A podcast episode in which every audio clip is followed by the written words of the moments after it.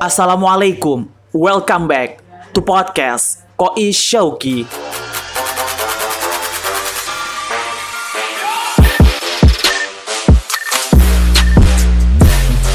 Ketidaksetaraan perlakuan-perlakuan terhadap perempuan dengan laki-laki itu berbeda kayak gitu dalam posisi pekerjaan. Ya, sebenarnya patriarki itu ini patriarki itu sifat masyarakat makanya kan biasanya dis- disebut Patriar. patriarchal society masyarakat patriarkis masyarakat patriarkis itu adalah masyarakat yang memberi eh, power atau kedudukan lebih kepada laki-laki Iya. dalam segala aspeknya.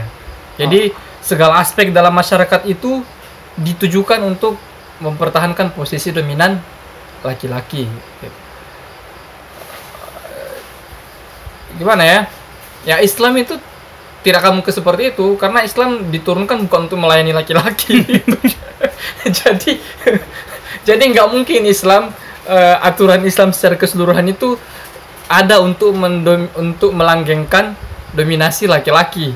Nah, tapi bisa nggak sih Islam disalahgunakan? Bisa nggak Islam disalahgunakan menurutmu? Bisa. bisa ya banyak sekali contohnya ISIS itu apalagi. Banyak ya Eh, is feminis Islam mungkin yang tafsirannya macam-macam itu kan menyalahgunakan Islam itu. Maksudnya eh, feminis Islam yang tafsirannya ekstrim-ekstrim kayak apa ya boleh boleh LGBT itu kan ekstrim artinya sebenarnya kalau ada sekelompok laki-laki atau ada sebuah ada se- ada laki-laki gitu yang merasa karena egonya dia laki-laki saya laki-laki nih saya harus mempertahankan kedudukan saya karena saya laki-laki Ah, bisa nggak dia dengan hawa nafsunya seperti itu kemudian memanipulasi dalil untuk membenarkan eh, mem- mempertahankan kedudukannya nggak bisa. Hah? bisa nggak kira-kira Ego. Karena faktor ego. Bukan masalah benar apa tidak benar tapi bisa nggak? Nggak bisa aja sih. ya bisa aja kan? Nah, nah itulah kenapa di dalam Islam dalam menafsirkan itu syarat pertama adalah takwa Ah, Hmm. jadi dan takwa itu ya ketakutan kepada Allah gitu. Jadi pertanggungjawabannya itu kepada Allah. Jadi kalau ada mufasir yang membuat tafsir untuk melanggengkan hegemoni laki-laki misalnya itu dia dia ada dosa gitu. Dan mufasir mufasir itu enggak kita percayalah kepada mereka itu mereka tidak ada bias seperti itu. Nah, cuma kayak gini feminis itu akan nemu-nemu aja bias itu. Memproyeksikan patriarki ke dalam teks gitu. Jadi dicari-cari ada patriarkinya nggak ini. Jadi kadang-kadang malah memproyeksikan a- analisisnya kepada teks. Ah, gampangnya gini kamu pernah nggak sih tidur-tidur lihat awan gitu? Atau lihat awan di langit tiba-tiba menemukan pola oh iya. Aha, gitu atau yang yang kelinci pola. Karena kadang-kadang kita menemu pola ya, menemukan pola kan. Mm-mm. Padahal sebenarnya awan itu mungkin sebenarnya nggak ada pola begitu. Awan itu nggak bermaksud bikin pola seperti itu. Oh iya Tapi iya. kenapa iya. kita memproyeksikan uh, pola kita ke situ? Karena mungkin di pikiran kita emang sudah ada seperti itu.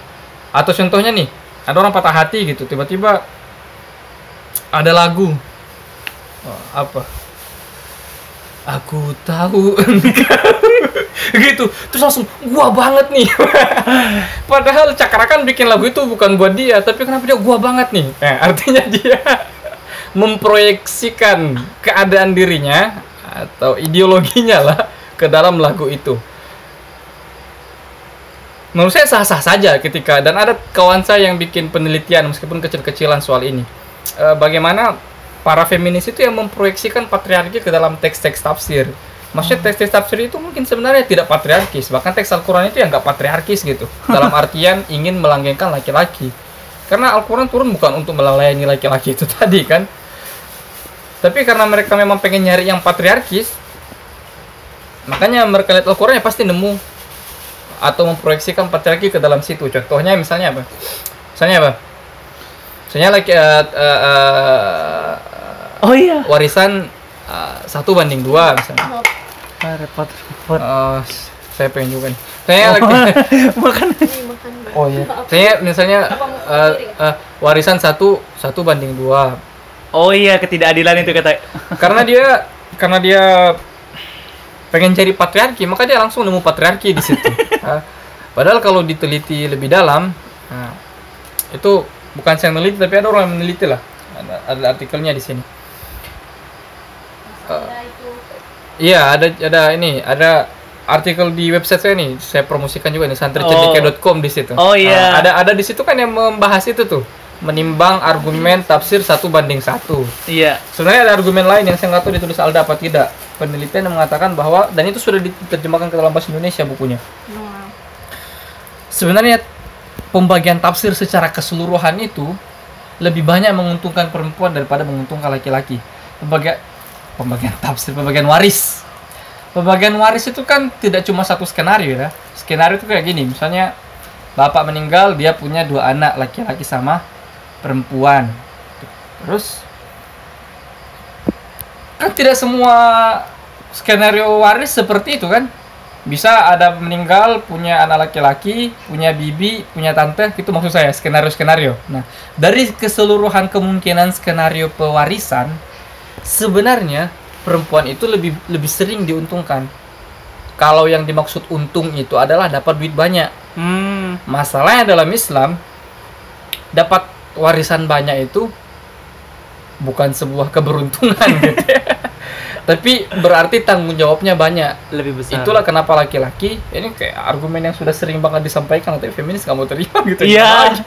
karena laki-laki karena dalam Islam itu sistemnya tanggung jawab hak ya seberapa banyak tanggung jawabmu sebe- sebegitu juga hakmu Hmm. dan kadang-kadang juga itu itu dia kadang-kadang feminisme ini mengimpose memaksakan paradigma mereka terhadap Islam dan itu berdasarkan pengalaman dia misalnya kayak gini ya saf laki-laki dan perempuan kok dipisah gitu wah kok dipisah ini kenapa kira-kira feminisme atau orang liberal eh, mempermasalahkan itu orang liberal barat lah mungkin mempermasalahkan itu karena orang barat itu punya pengalaman buruk soal segregasi Oh iya iya iya iya. segregasi pemisahan Tahu tahu tahu. Walaupun di barat itu segregasinya rasial, Rasis ya. nah, berdasarkan ras. Saya ada kafe nih, sampai tahun 50-an itu masih kayak gitu di Amerika. Ada kafe di sini orang kulit putih, di sini color orang kulit hitam. Hmm. Dan itu segregasinya memang dibuat karena rasis, karena rasisme. Sedangkan segregasi sab sholat itu ya bukan karena menganggap perempuan lebih rendah gitu. Memang ada aturannya kayak Emang gitu. kayak begitu dan perempuan mau sholat di belakang, sholat di depan kalau khusus ya pahalanya tinggi. coba kalau dipikir enak mana? Enak mana perempuan di depan apa di belakang? Mendingan di belakang. ya kalau Kalau enak, misalnya sholat. ya kalau enak sih kalau saya relatif. Iya sih. AC-nya di mana? Jadi kalau AC dari situ saya di situ ya enaknya di situ. Kalau di belakang tuh biasanya bisa buat tidur tiduran. Oh iya, nggak nampak sama. Nggak kelihatan sama cowok-cowok. ya kayak gitulah. Ma- uh, Simple gitu. Nah itu kayak memaksakan eh, harus ada patriarki di situ. Padahal mungkin di situ nggak ada patriarki. Tapi kit saya juga tidak menafikan. Mungkin ya sebagaimana ada ISIS yang memanfaatkan teks-teks Al-Quran dan hadis untuk eh, menjustifikasi proyeknya untuk bikin negara brutal seperti itu. sebagaimana orang liberal yang menggunakan Al-Quran dan hadis untuk menjustifikasi pasar bebas. Mm-mm. Ya. Maka mungkin ada juga kemudian laki-laki yang entah kenapa dia kok merasa bangga banget jadi laki-laki gitu. Kasihan banget gitu lah satu-satunya hal yang dibanggakan ya karena ada laki-laki. Statusnya aja. seberapa seberapa kacau dirimu satu-satunya yang kau banggakan adalah kau laki-laki. Eh, terus dia pakai ayat Al-Qur'an. Saya laki-laki nih, Arjal kamu ala nisa, begitu saya lebih agung daripada kamu tuh kayak misal lah orang kayak begini tuh. Orang kayak begini tuh yang aduh. Ya itulah ya. Soalnya banyak. Ya, apalagi banyak gitu, semakin hancur aja. Maksud saya, ketika feminis mengkritik masyarakat Islam, ketika feminis mengkritik teks-teks Al-Quran dan hadis, saya nggak mau husnuzon, pasti harus defensif lah. Kalau saya, saya kan tidak akan husnuzon. kalau teksnya gitu loh, ini hadis misoginis enak aja gitu. Tapi kalau ini kritik feminis adalah praktik-praktik kita, eh bolehlah kita muhasabah, benar nggak sih itu? Eh, misalnya feminis mengatakan ini menindas perempuan, benar nggak sih ini betulan menindas perempuan? Katanya perempuan yang betulan tertindas nggak kamu? Oh iya iya iya. Siapa tahu selama ini dia tertindas tapi nggak ngomong aja. oh, oh iya, iya, oh begitu ya. Terus terus cek benar nggak ini pemahaman saya terhadap Islam? Jangan-jangan saya juga salah paham terhadap Islam. Nah gitu gitu. Meskipun sangat jarang lah feminis itu me- tapi kadang-kadang bisa lah. Saya feminis eh, mengkritik orang Islam yang menganggap nikah 17 tahun adalah prestasi. Misalnya kebanyakan feminis muslim itu ketika misalnya dia ngelihat eh, keadaan sejarah masyarakat muslimnya kayaknya oh kayak kacau begitu Iya. terus langsung mereka itu menjustifikasi itu dari dalil Oh iya iya. dari dalil yang disalahartikan oleh ulama-ulama kita Karena belum tentu gitu ya. Padahal belum tentu Hmm. Saya kayak gini di kampung saya dulu kayak gini. Kampung saya itu termasuk kampung yang sangat Islami. Basisnya Kahar Muzakar. Tahu Kahar Muzakar kan? Tahu, tahu. Nah, itu. Dulu di kampung saya tahun ini pengalaman hidup nenek saya. Nenek saya itu banyak saudara. Ada laki-laki, ada perempuan. Ketika kemudian keluarga nenek saya itu akhirnya punya duit untuk menyekolahkan anaknya, nggak bisa disekolahkan semua. Jadi harus dipilih yang disekolahkan itu. Maka yang dipilih adalah laki-laki yang disekolahkan. Kira-kira best gender nggak itu? Iya iya iya bisa bisa bisa. ya kalau bisa, ada feminis tiba-tiba datang, oh nih best gender nih kurang ajar namanya. ya karena mereka miskin aja gitu. Buktinya ketika kaya semuanya disekolahkan gitu. Kenapa laki-laki yang disekolahkan duluan? Karena memang masyarakatnya itu secara komunal dan memang memegang ajaran Islam. Si cowok ini harus sekolah cepat, dapat duit, Tanggung jawab. nanti dia menanggung adik-adiknya gitu. Hmm. Dan nanti kalau misalnya adik eh, dia menyekolahkan kemudian adik-adiknya kayak eh, bapak mertua saya menyekolahkan bibi-bibinya, bibi-bibinya eh, istri saya dan sama kayak nenek saya itu. Dia yang pertama kali mampu dia menyekolahkan kemudian adik-adiknya. Meskipun nenek saya jadi buta huruf karena dia korban untuk itu. Seorang feminis barat tiba-tiba datang, wah best gender nih, ah, patriarki nih dan seterusnya enak aja gitu ya. Padahal kan di situ bukan terjadi kemerosotan status perempuan, tapi kemerosotan duit orang gitu. Memang miskin aja gitu. status keadaannya aja. Nanti kalau kaya, nanti kalau kaya itu disekolahkan semua juga gitu. Jadi memang harus hati-hati lah. Eh, Kadang-kadang eh, Nah tapi ya maksud saya eh, mengutamakan laki-laki dari perspektif sebagai seorang Islam mengutamakan laki-laki itu tidak selamanya buruk gitu. Karena dalam Islam begitu kamu diutamakan maka ta- kamu juga punya tanggung jawab yang lebih besar. besar. Mengutamakan perempuan juga itu dan kira yang Islam tidak mengutamakan perempuan dalam beberapa hal Islam mengutamakan perempuan, tapi tanggung jawabnya juga lebih besar. Eh, ketika dia sudah diutamakan di dalam sebuah sektor.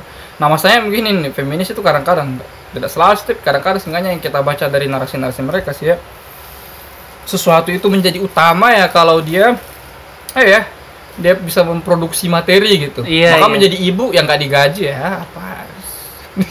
Soalnya itu pernah menjadi dianggap. salah satu isu yang diangkat kayak di Korea Selatan itu ketakutan-ketakutan ketika ingin menikah kan ketika dia menikah kenapa harus cuma ngurusin rumah tangga yang Iya. pada akhirnya kalau dia memilih menikah cuma ngurusin rumah tangga ya buat apa mending nggak usah nikah aja ya kan karena dia rumah punya- tangga bagi mereka nggak ada value-nya. iya di Korea itu salah satu apa ngurus rumah tangga? Paling anak bagus, paling nanti anaknya jadi bintar, paling masyarakat bagus. Ngapain ngurusin rumah tangga? Yang penting kita ngurusin perusahaan orang lah. Anak terlantar ya ya ya, ya hak dia gitu. Nanti untuk apa ngurus rumah tangga? Maksudnya rumah tangga emang gak ada value-nya. Jadi iya yang nggak bisa kita harapkan lah. Itu yang saya bilang tadi, memang pikirannya berbeda gitu. Eh ah, Mbak ada lah pokoknya itu eh, seorang feminis terkenal di Indonesia lah. Terus menulis di salah satu situs feminis bagus tuh. Eh, dia ngaku sendiri bahwa eh, masyarakat muslim itu ya komunal sedangkan sedangkan feminis itu prinsipnya individual. Oh iya iya tapi yang nggak benar juga itu masyarakat muslim bukan komunal bukan individual. Masyarakat muslim ya ada aspek individualnya. Ada aspek individualnya itu adalah pencapaian pribadi tapi ada aspek komunalnya kadang-kadang sesuatu dilakukan secara komunal tapi prestasinya individual maksudnya misalnya soal jamaah gitu untuk bikin jamaah ya harus rombongan dong harus Iya. rame-rame tapi kualitas sholatnya ya dewe-dewe iya iya iya satu khusyuk satu nyengat sendalnya ya beda lah gitu. iya iya iya Pak. kayak nikah gitu untuk bisa menikah ya harus ada laki-laki harus ada perempuan perempuan. Tapi nanti kualitas orang itu di hadapan Allah bukan dari laki eh, ketaatannya memang kepada eh, eh, dia memenuhi hak pasangannya juga, tapi bukan keridoan dari pasangannya. Maksudnya kayak gini loh. Misalnya sebenarnya istri saya itu sudah memenuhi semua eh, hak saya, Hmm. sudah memenuhi semua kewaji- kewajibannya. Tapi kena, entah kenapa tuh saya tuh ah ah nggak suka nggak suka nggak becus.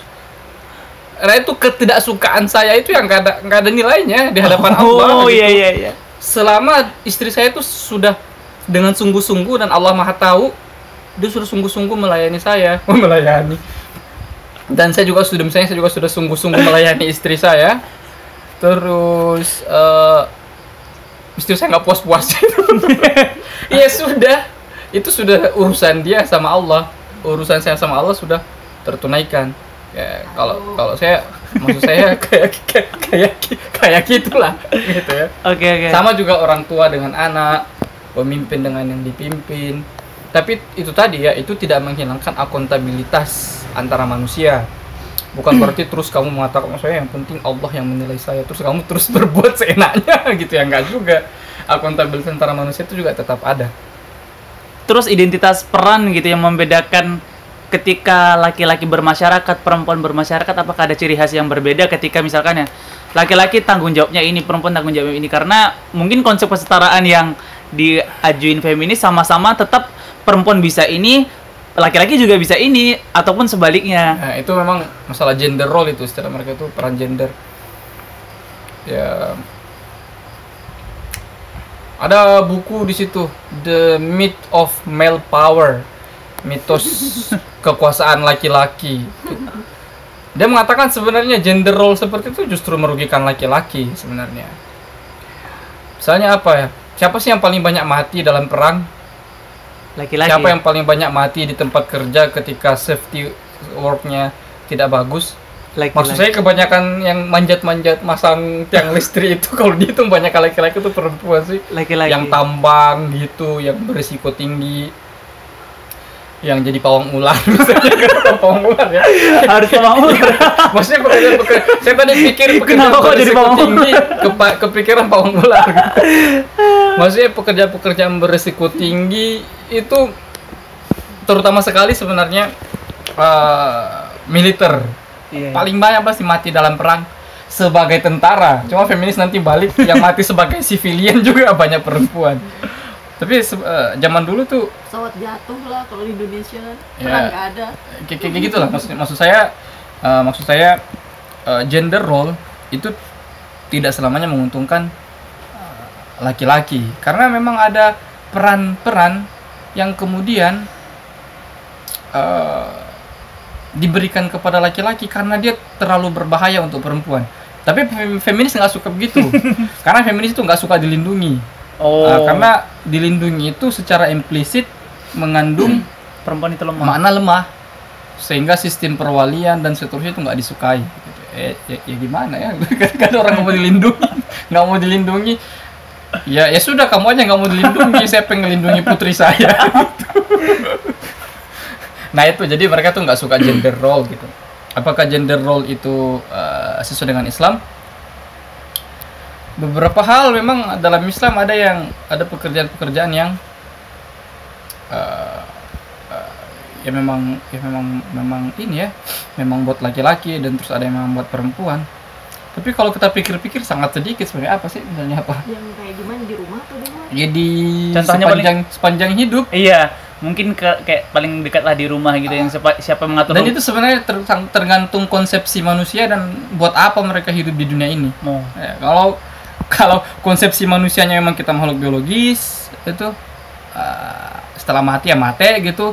Berarti buat apa kita di dunia untuk mengumpulkan harta sebanyak banyaknya maka kalau dia disuruh di rumah nggak bisa kumpulin harta dia akan nganggap itu nggak bagus mengekang.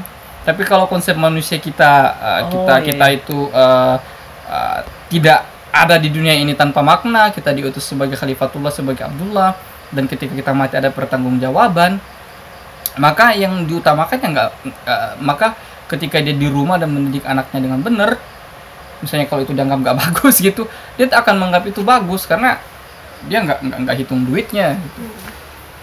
dan sekali lagi itu bukan berarti perempuan boleh ditaruh di rumah nggak dikasih duit gitu justru laki-laki dalam Islam itu yang harus keluar nyari duit sebisa mungkin nanti kalau laki-lakinya keluar nyari duit nggak nggak dapat gitu perempuannya harus terpaksa itu sudah bukan keadaan yang ideal lah. Sebenarnya keadaan idealnya itu perempuan tidak wajib mencari kerja. Sehingga ketika perem- uh, mencari duit sehingga ketika perempuan bekerja itu apa ya, hobi.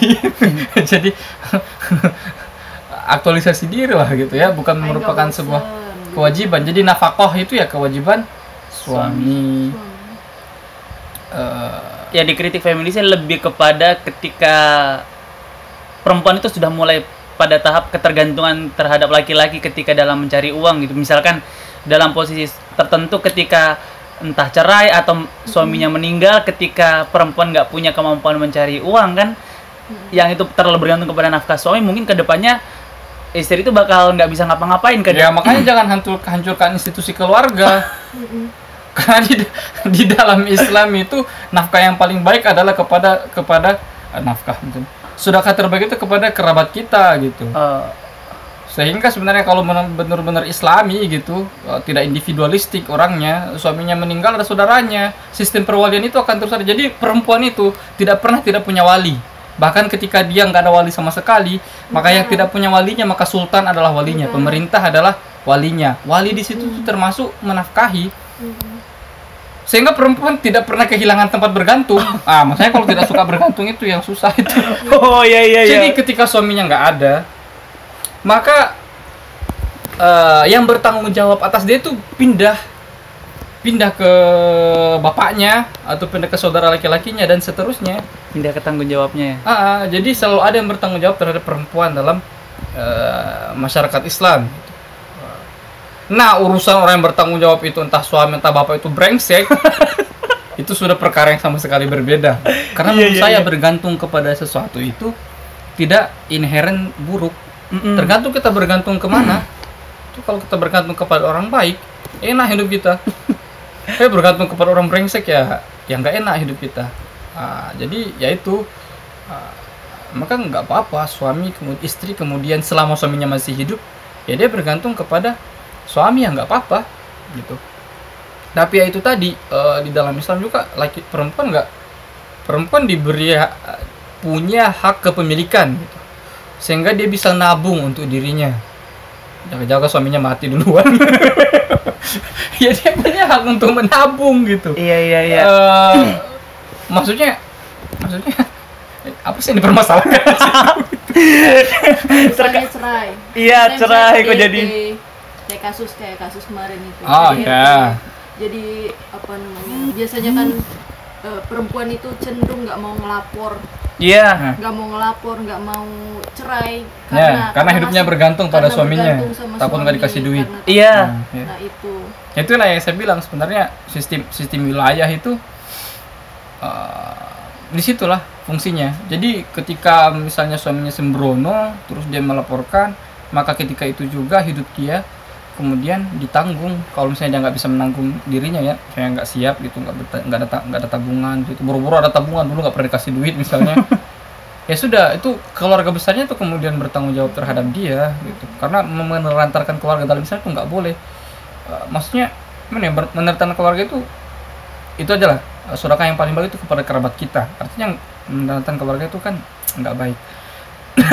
Nah artinya ya kayak gitu. Eh, itu karena asumsi hubungannya itu selalu Kayak relasi takut begitu. kuasa enggak asumsi hubungannya itu selalu relasi kuasa yang Timpang apa tuh bukan bisa ditukar. Eh, apa kalau transaksional nah, saya kasih ini saya kasih kamu ini kamu kasih saya apa oh Nah, jadi kalau paradigmanya begitu, emang kadang-kadang fikih Islam itu di frame seperti itu. Nah, waktu saya kuliah itu salah satu yang dikritik misalnya dalam fikih Islam semacam transaksional gitu. Nikah akad nikah itu. Ya. Istri ngasih ketaatan, suami ngasih nafkah gitu. nah, itu memang eh, atau lebih ada ada lebih kasar gitu ya. Suami ngasih nafkah, istri ngasih badannya, gitu, tubuhnya oh iya iya iya iya iya, iya farsinya karena emang beberapa kadang-kadang definisi nikah itu se, se- dalam tanda kutip sekering itu gitu. Ya makanya fikih jangan dipisahkan dari tasawuf kayak di Ulumuddin itu sehingga meskipun anda anggaplah memang anggaplah memang eh, dalam fikih Islam nature-nya akad nikah itu adalah transaksional kamu kasih ka- saya kasih nafkah kamu kasih taat Islam itu bukan hanya fikih gitu. Ada dimensi akhlak, ada dimensi tasawuf, ada dimensi spiritual di situ. Sehingga jadi tidak transaksional semata-mata. Ada dimensi pertanggungjawaban kepada Allah ada dimensi takwa gitu. Dan menurut saya sih tidak tidak tidak se- tidak transaksional sesaklik itu gitu. Itu biasa maksud saya itu yang biasa dikritik feminis tuh hubungan suami istri eh, perempuan tidak aman. Nah, ya kalau kalau lihat suaminya memang punya tampang-tampang brengsek ya sudah nabung aja. Karena ada tuh yang hadis yang terkenal banget kan ada ada sahabat yang sampai ngambil duit suaminya nggak izin gitu. Sama karena suaminya kelihatannya wah ini suami kelihatannya nggak ngasih duit. Semua duitnya nggak di nggak transparan nih gitu. Hmm. saya ngambil terus eh, sama Nabi kan disuruh ambil eh, secukupnya untuk kamu dan anakmu gitu. Jadi eh, artinya apa? Implisit dari situ adalah bahwa istri punya hak untuk mem- mempersiapkan ininya dia financial need-nya kalau terjadi yang nggak nggak misalnya suaminya meninggal atau bahkan cerai dan seterusnya kayak gitulah. Misalnya kayak pola asuh gitu bukan pola asuh kayak eh, kewenangan untuk mengasuh gitu. Apakah memang kayak ada di tangan suami atau istri? Dan ketika beberapa case apakah memang istri itu ekspresi ekspresi berkaryanya hanya di rumah kayak gitu ya karena kan ada yang salah satu aliran feminis yang beranggapan, kenapa wanita wanita harus kuliah tinggi tinggi sedangkan ujung-ujungnya dia itu harus di rumah kayak gitu Nah, banyak banyak sekali di situ yang ini sih banyak sekali situ hal-hal yang sifatnya konseptual dan mendasar. Apa misalnya konsep? Tadi kan saya sudah ngomong tuh tentang konsep manusia. Gimana kita melihat manusia dan kehidupannya? Konsep ilmu. Nah, gimana kita melihat ilmu pengetahuan? Sebenarnya kalau sebagai seorang muslim gimana sih kita melihat ilmu pengetahuan? Ya itu tadi ilmu pengetahuan kan salah satu tabungan akhirat kalau kita sebagai seorang muslim iya dan ilmu yang bermanfaat itu kan salah satu amal jariah gitu. dan eh, manfaat ilmu kepada anak misalnya seandainya mengasuh anak itu dianggap rendah itu menjadi amal jariah yang sangat ini. Nah lagi-lagi hal-hal seperti itu ya feminis nggak nyampe gitu. Ya yang nggak mau nyampe gitu nggak eh, nggak dipertimbangkan. Itu disebut perbedaan worldview ya jadi satu mempertimbangkan akhirat satu nggak percaya akhirat ada ya nggak bisa ketemu lah.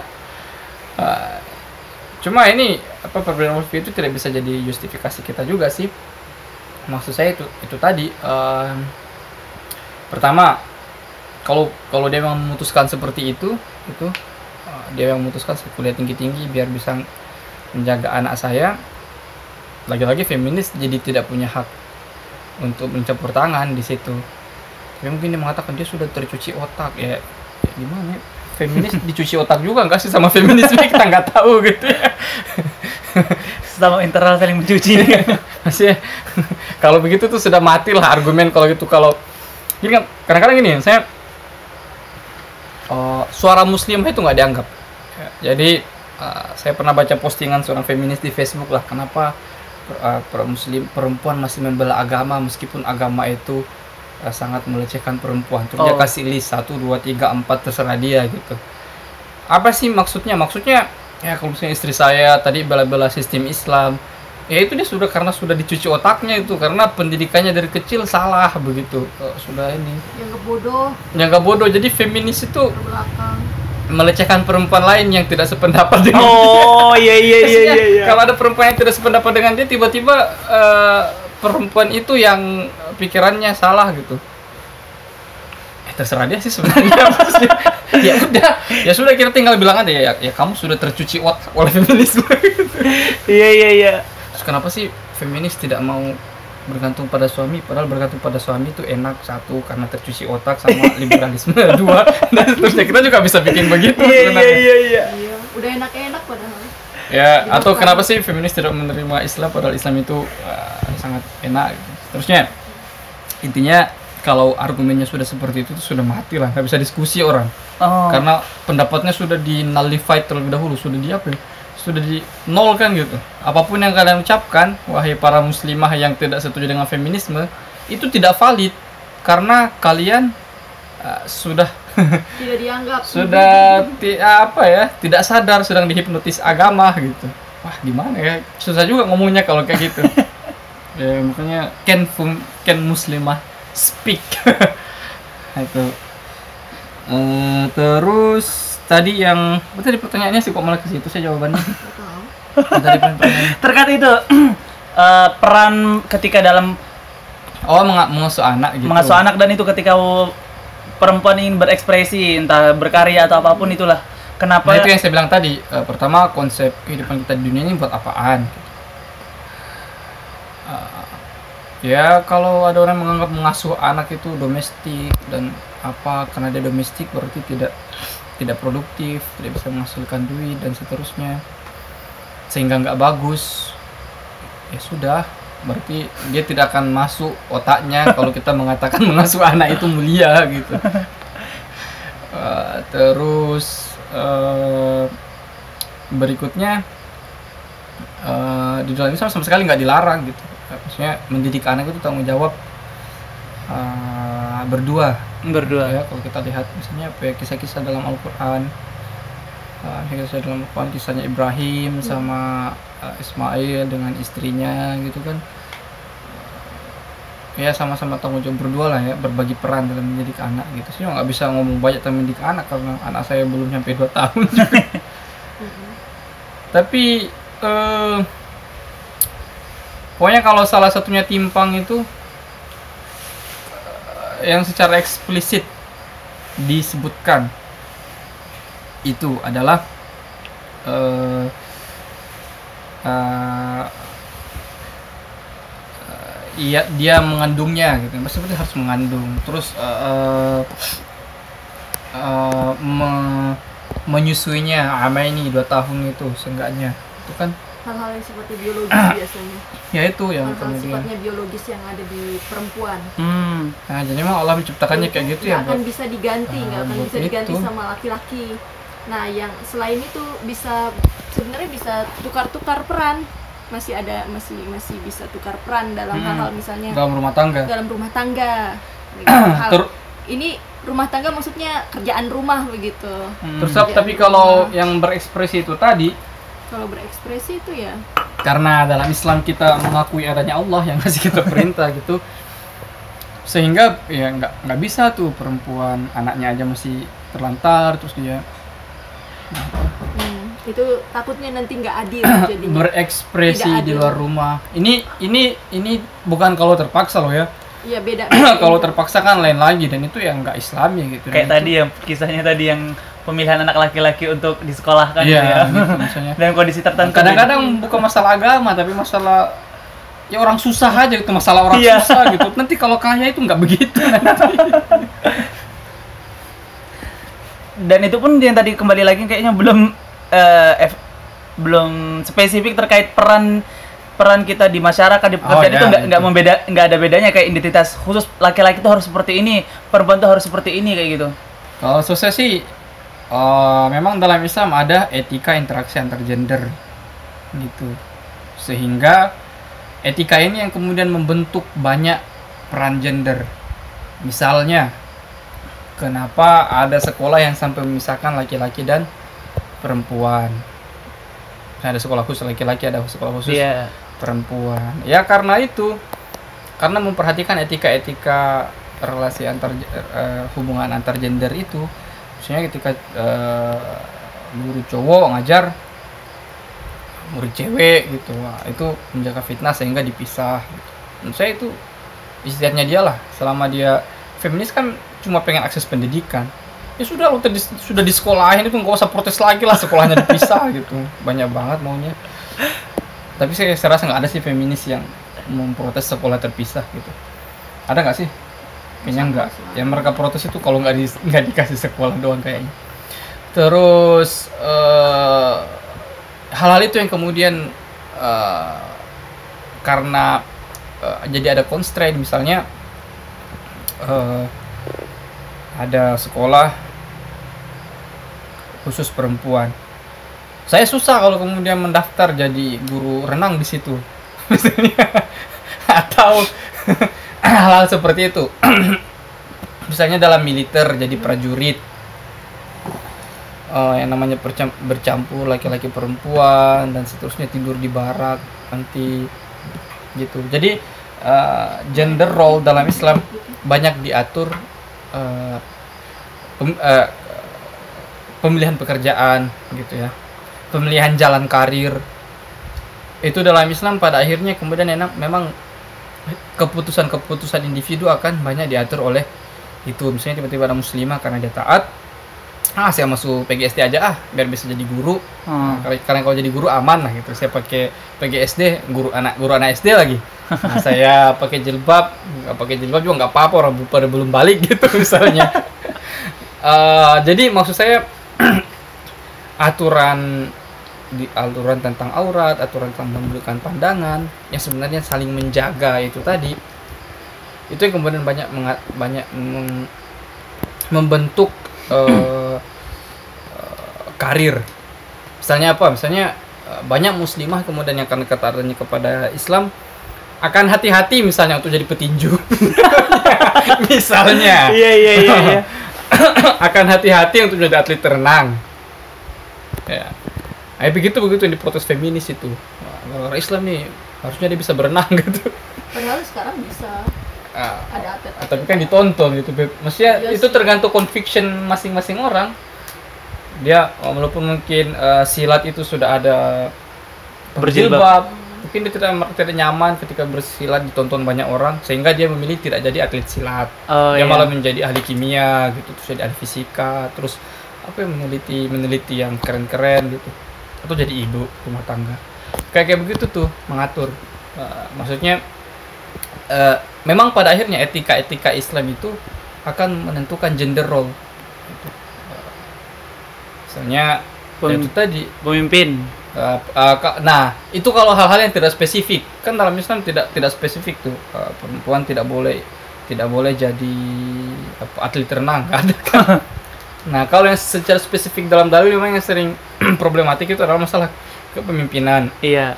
Sekarang sudah banyak sekali lah itu. Kalau di Muhammadiyah sendiri tuh uh, mengkontekstualisasikan hadis itu uh, yang la yuflihul kaum walau uh, amrahu imratun. Jadi seorang kaum yang di yang urusannya dipegang oleh seorang perempuan tidak akan uh, beruntung. Iya.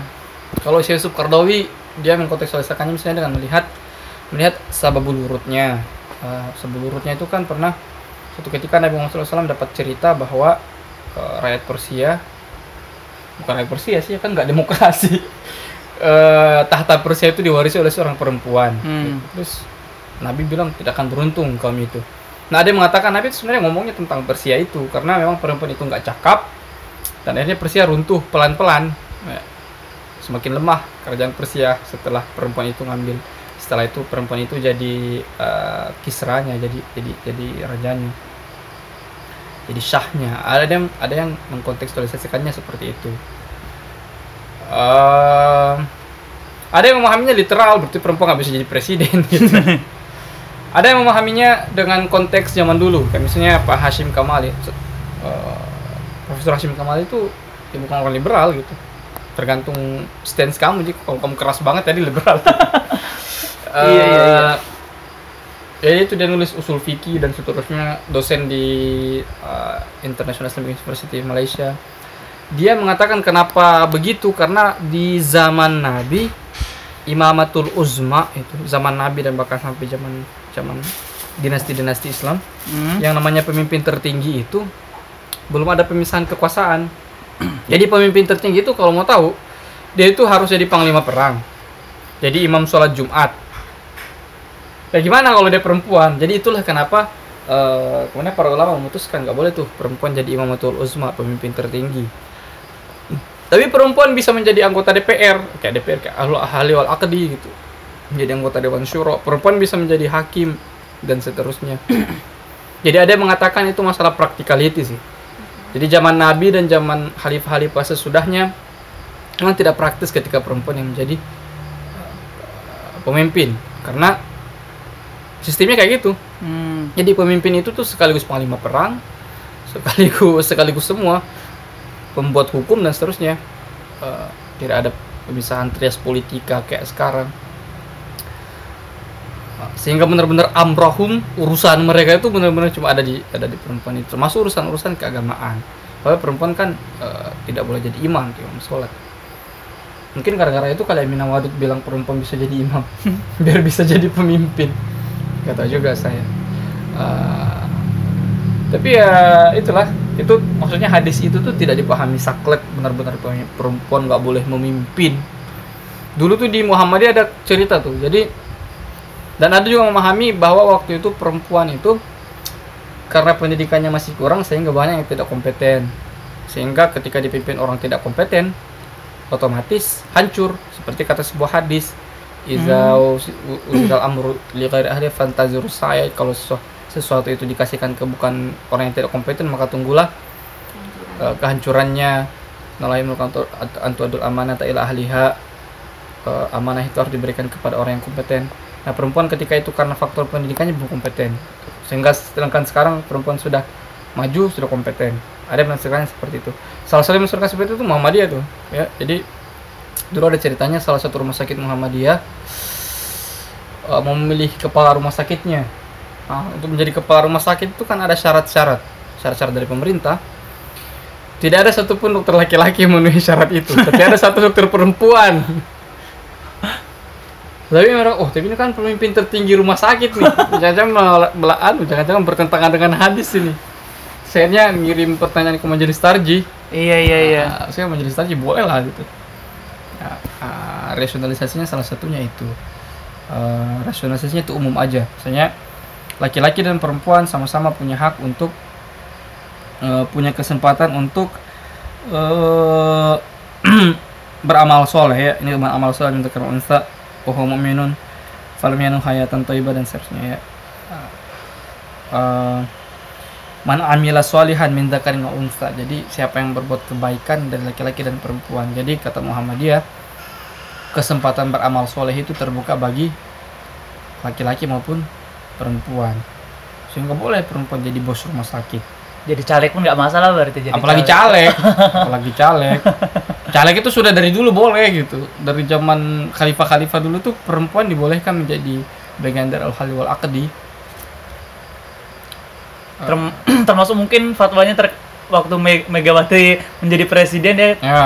Waktu du- kampanye-kampanye kan ada kayak Iya, ada yang iya. kayak gitu ya. Dulu sebelum Megawati jadi presiden itu saya masih kecil banget sih, tapi sudah ingat itu emang sudah ada perdebatan jangan pilih karena perempuan nggak boleh jadi pemimpin ya gitulah.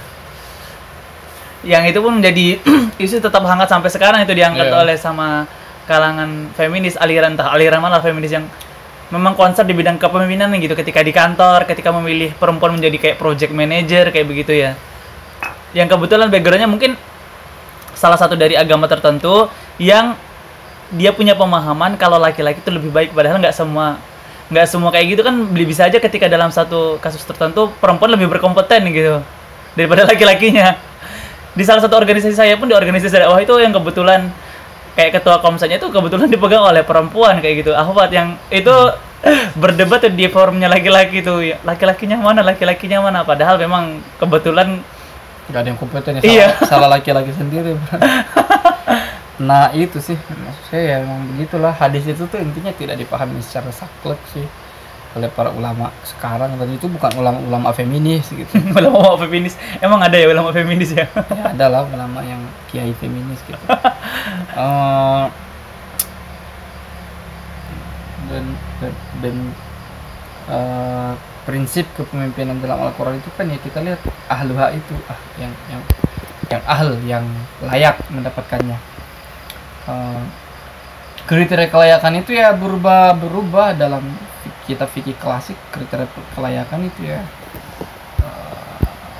Jangankan itu dulu ketika Gus Dur menjadi presiden kan ya ini karena dalam fikih klasik eh apa tidak cacat tidak cacat fisik itu eh, salah satu kriteria. Hmm, Tapi kan ternyata tidak itu bukan kriteria yang utama pasti gitu. Kriteria bisa berubah sesuai dengan laju zaman. oh iya iya iya Zaman sekarang kan presiden misalnya ketika Gus Dur presiden aja kan ya meskipun belum ke penglihatannya terganggu kan eh, ya itu tadi dia tidak harus jadi panglima perang dia tidak harus jadi jadi penglihatannya terganggu pun dia bisa memanfaatkan pembantu pembantunya gitu jadi sudah tidak sama konteksnya dengan zaman dulu mungkin tergantung sistemnya ya sistem yang digunakan oleh suatu Ya, negara suatu jadi. Karena mungkin dulu kan sistem nabi apa namanya? Kerajaan atau monarki bukan sih? Nggak tahu sih kalau nabi ya jelas bukan kerajaan sih. Bukan jelas bukan monarki nabi itu karena dia tidak tidak mewariskan kepemimpinannya kepada kerabatnya gitu. oh iya sih. Kecuali menurut Syiah menurut Syiah kan kerabatnya. Maka dipilih itu kan para sahabat musyawarah mufakat memilih pemimpinnya gitu Hmm, kemudian ada para sahabat ada sahabat yang menggunakan eh, tapi itu kan eh, sistem suksesinya ya. Yang dimaksud sebenarnya sistem bekerjanya sistem itu. Ya gimana? Udah mungkin sampai ke ujung udah lumayan juga kita Eh. bincang-bincang. Udah hampir mau tiga jam ini. Gila saya makan dulu iya iya. Mungkin closing stat- statement dari Ustadz sendiri mungkin Ustadz punya kritik tersendiri oleh aliran feminis gitu yang mungkin harus dipahami oleh kita kita yang pemula atau pendengar-pendengar eh, podcast ini yang pemula gitu yang memahami tentang isu feminis gitu. Kira-kira apa sih yang Ustadz tidak setujui yang harus mungkin harus didiskusikan orang oleh oleh kita kita gitu ya? Kalau Karena- saya, kalau saya sih apa ya? Pertama fem- itu tadi ya feminisme itu tidak muncul eh, secara ujuk-ujuk bukan eh, ada konteksnya lah gitu Mm. dan kadang-kadang feminis itu bergerak ya bukan karena pengen aja tapi emang karena ada realitas yang tidak beres Oh, gitu iya. sehingga sebenarnya meskipun kita menganggap feminisme itu sebagai tantangan pemikiran dia sebenarnya s- dimensinya bukan hanya pemikiran maksud saya seandainya aktivis muslim orang-orang Islam itu bisa melindungi putra putri putri mereka sehingga tidak terlecehkan atau bisa bisa memastikan istri-istri itu tidak dipukuli suaminya atau setidaknya kalau terjadi KDRT sistem umat itu kuat untuk kemudian jaga hak-hak anak, hak-hak perempuan, hak-hak istri, hak anak, sistem eh, hakaman min ahliha, hakaman min ahlihi itu cukup untuk kemudian membuat si suami itu sadar dan seterusnya. Sebenarnya feminis akan kehilangan alasan sebenarnya untuk keluar-keluar gitu. Jadi eh, ya kata kata Gus Dur dulu Gus Dur dulu pernah ngomong tentang teologi gombal. Teologi gombal itu kayak pluralisme agama lah kalau sekarang semua agama sama. Kata Gus Dur, dia, soalnya dia ketemu seorang yang punya pemahaman semua agama itu sama, Iya. tapi dia itu melayani eh, orang-orang terlantar dan seterusnya. Terus dia bingung kok justru yang melayani orang terlantar di sini nih orang yang punya teologi gombal begini, teologi yang aneh kata pokoknya Gus Dur menganggap itu gombal banget lah. Gombal itu kan bukan sesuatu yang positif kan.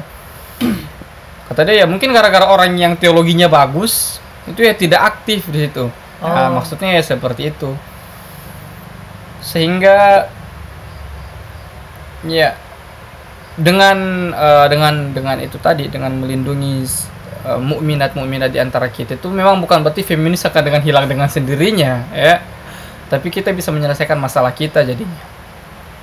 Kedua, eh, meskipun feminisme itu memang muncul dengan kedok yang menyelesaikan masalah, tapi kalau teman-teman baca buku misalnya Joseph Massad itu eh, Islam in Liberalism atau buku-buku atau artikel-artikel kayak Lila Abu Lugot itu Do Muslimu Menit Safe dan seterusnya itu tuh jelas bahwa feminisme itu kadang-kadang menjadi alat hegemoni barat.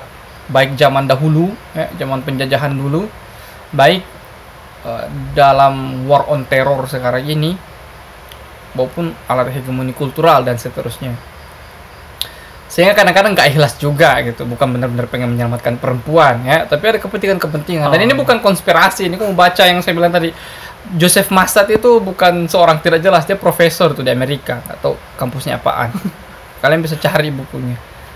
Uh, dan banyak Leila Abu Lughot itu antropolog Amerika itu terkenal sekali. Kalau orang ngerti antropolog mesti tahu. Uh, itu satu lagi. Jadi nggak selamanya ikhlas gitu dan kita tahu kan jaringan Islam liberal dulu itu punya kepentingan uh, mendorong uh, ekonomi neoliberal. Ter- terdokumentasi lah hal-hal yang seperti itu. Sehingga nggak usah terlalu wah banget lah oh ini orang kok menolong kita dan seterusnya. Tapi mungkin ada juga feminis yang ikhlas gitu. Nah, sehingga sampai pada yang ketiga bahwa ketika para feminis feminis itu turun untuk menyelesaikan masalah di tataran wacana memang kita memang harus banyak yang kita tidak setujui dari dia Hmm. dan yang paling utama yang membuat kita tidak setuju dari dia adalah karena feminisme itu wataknya meskipun sudah dikasih embel-embel Islam wataknya sekuler gitu salah satu watak sekuler yang paling penting misalnya pertanggungjawaban uh, ukuran-ukuran prestasi misalnya ibu tidak dianggap tidak, tidak dianggap bergengsi sedangkan bekerja itu dianggap bergengsi. Ya karena ukurannya nggak mengambil akhirat sebagai konsideran sehingga meskipun pahala menjadi seorang ibu itu sangat besar gitu ya nggak ya nggak cuma pengen pahala gitu. Kita nggak ngomongin pahala ya itu berarti sekuler kan itu nggak nganggap gitu. Oh iya iya iya. atau misalnya kenapa eh, kenapa kenapa kekerasan seksual itu nggak baik? Ya bukan karena itu zina atau karena itu menzalimi orang tapi karena tidak masalah kerelaan gitu. Jadi itu saya yang harus kita eh, kalau teman-teman mendalami mendalami soal sekularisme secara filosofis bukan cuma politik itu tuh feminisme dengan sendirinya itu tercakup di situ.